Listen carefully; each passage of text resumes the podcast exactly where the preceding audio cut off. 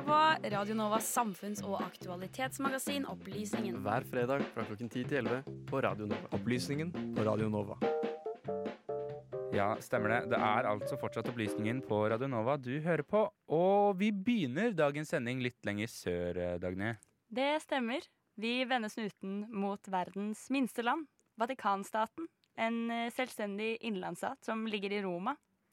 Kommer, eh, der kommer hovedsakelig inntektene fra gaver og turisme og inngangspenger. For det er akkurat landets økonomi det skal handle om i sendingens første sak. Politisk maktspill har eh, brutt ut mm, Politisk maktspill har brutt ut etter korrupsjon og seksuelt misbruk. Men hva er det egentlig som har skjedd i den lille katolske staten? Noen ganger er vi nødt til å fortelle historier som er litt utenom det vanlige. Dette er en fortelling om en kirke svøpt i skandaler om barnemishandling, korrupsjonsanklager og dype interne konflikter. En fortelling om en australsk kardinal, pavens tidligere finansminister, dømt og senere frikjent for overgrep mot to unge gutter. En fortelling om et rivaleri mellom to av pavens aller nærmeste. La oss ta et skritt tilbake.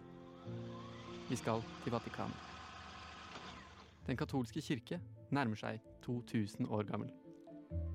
Som en av verdens mest særegne og ressurssterke institusjoner har kirken alltid hatt et litt blandet forhold til reform. I senere tid har en rekke skandaler gått utover kirkens omdømme.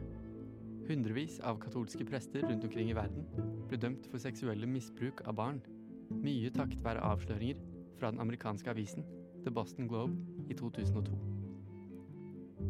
Men som ordtaket lyder alle veier fører til Rom. Og her finner vi katolisismens episenter. Det lille landet Vatikanstaten. Og hvis du ikke har hørt om kardinal George Pell, så har du i hvert fall hørt om pave Frans. Le lacrime sono sue, lo stesso con noi.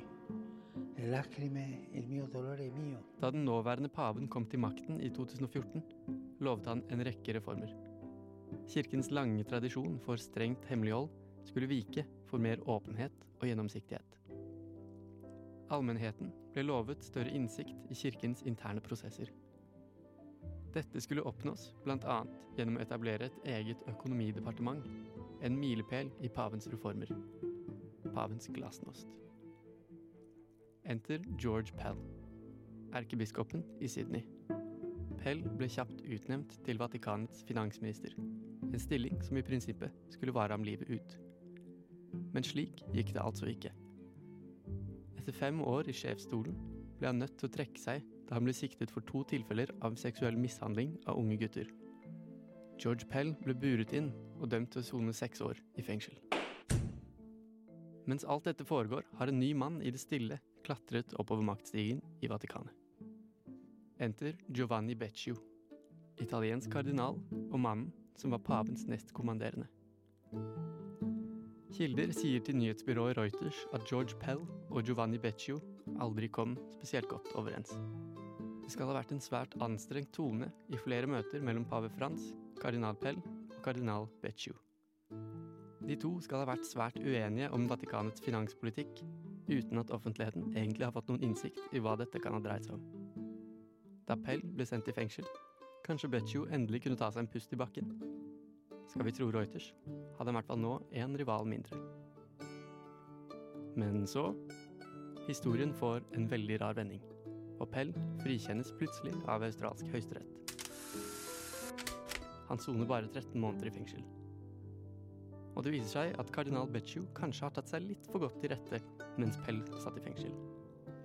Kardinal Becciu skal angivelig ha forsøkt å svindle kirken gjennom tvilsomme lån til et sykehus i Milano en angolansk forretningsmann under navnet Mosquito, og knyttes til et oppkjøp av eiendom i London til en verdi av 200 millioner dollar.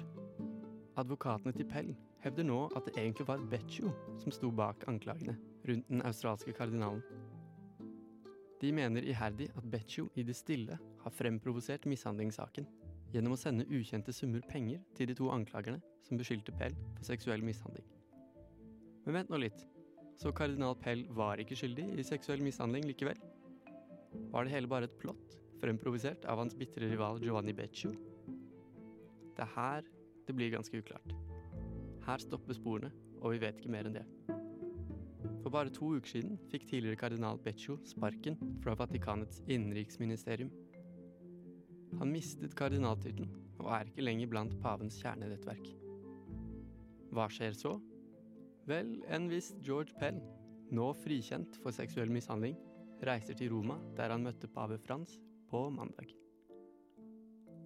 Kilder sier til Reuters at Pell angivelig skal ha ønsket å gjenoppta sin gamle post som finansminister for Vatikanet. Og Vatikanet har i kjent stil vært meget tause og har ikke kommentert møtet. Finnes det egentlig en konklusjon her? Du er ikke alene hvis du syns det hele høres ut som en Dan Brown-roman. Kanskje får vi vite mer i fremtiden? Eller kanskje vil hele skandalen langsomt og rolig forsvinne inn i historiebøkene. Mer enn det vet vi dessverre ikke. O Padre Santo e Onnipotente nell'amore che nel tuo Figlio Gesù nato dalla Vergine Maria Lyden i innslaget var hentet fra vaticannews.va og Wikimedia Commons.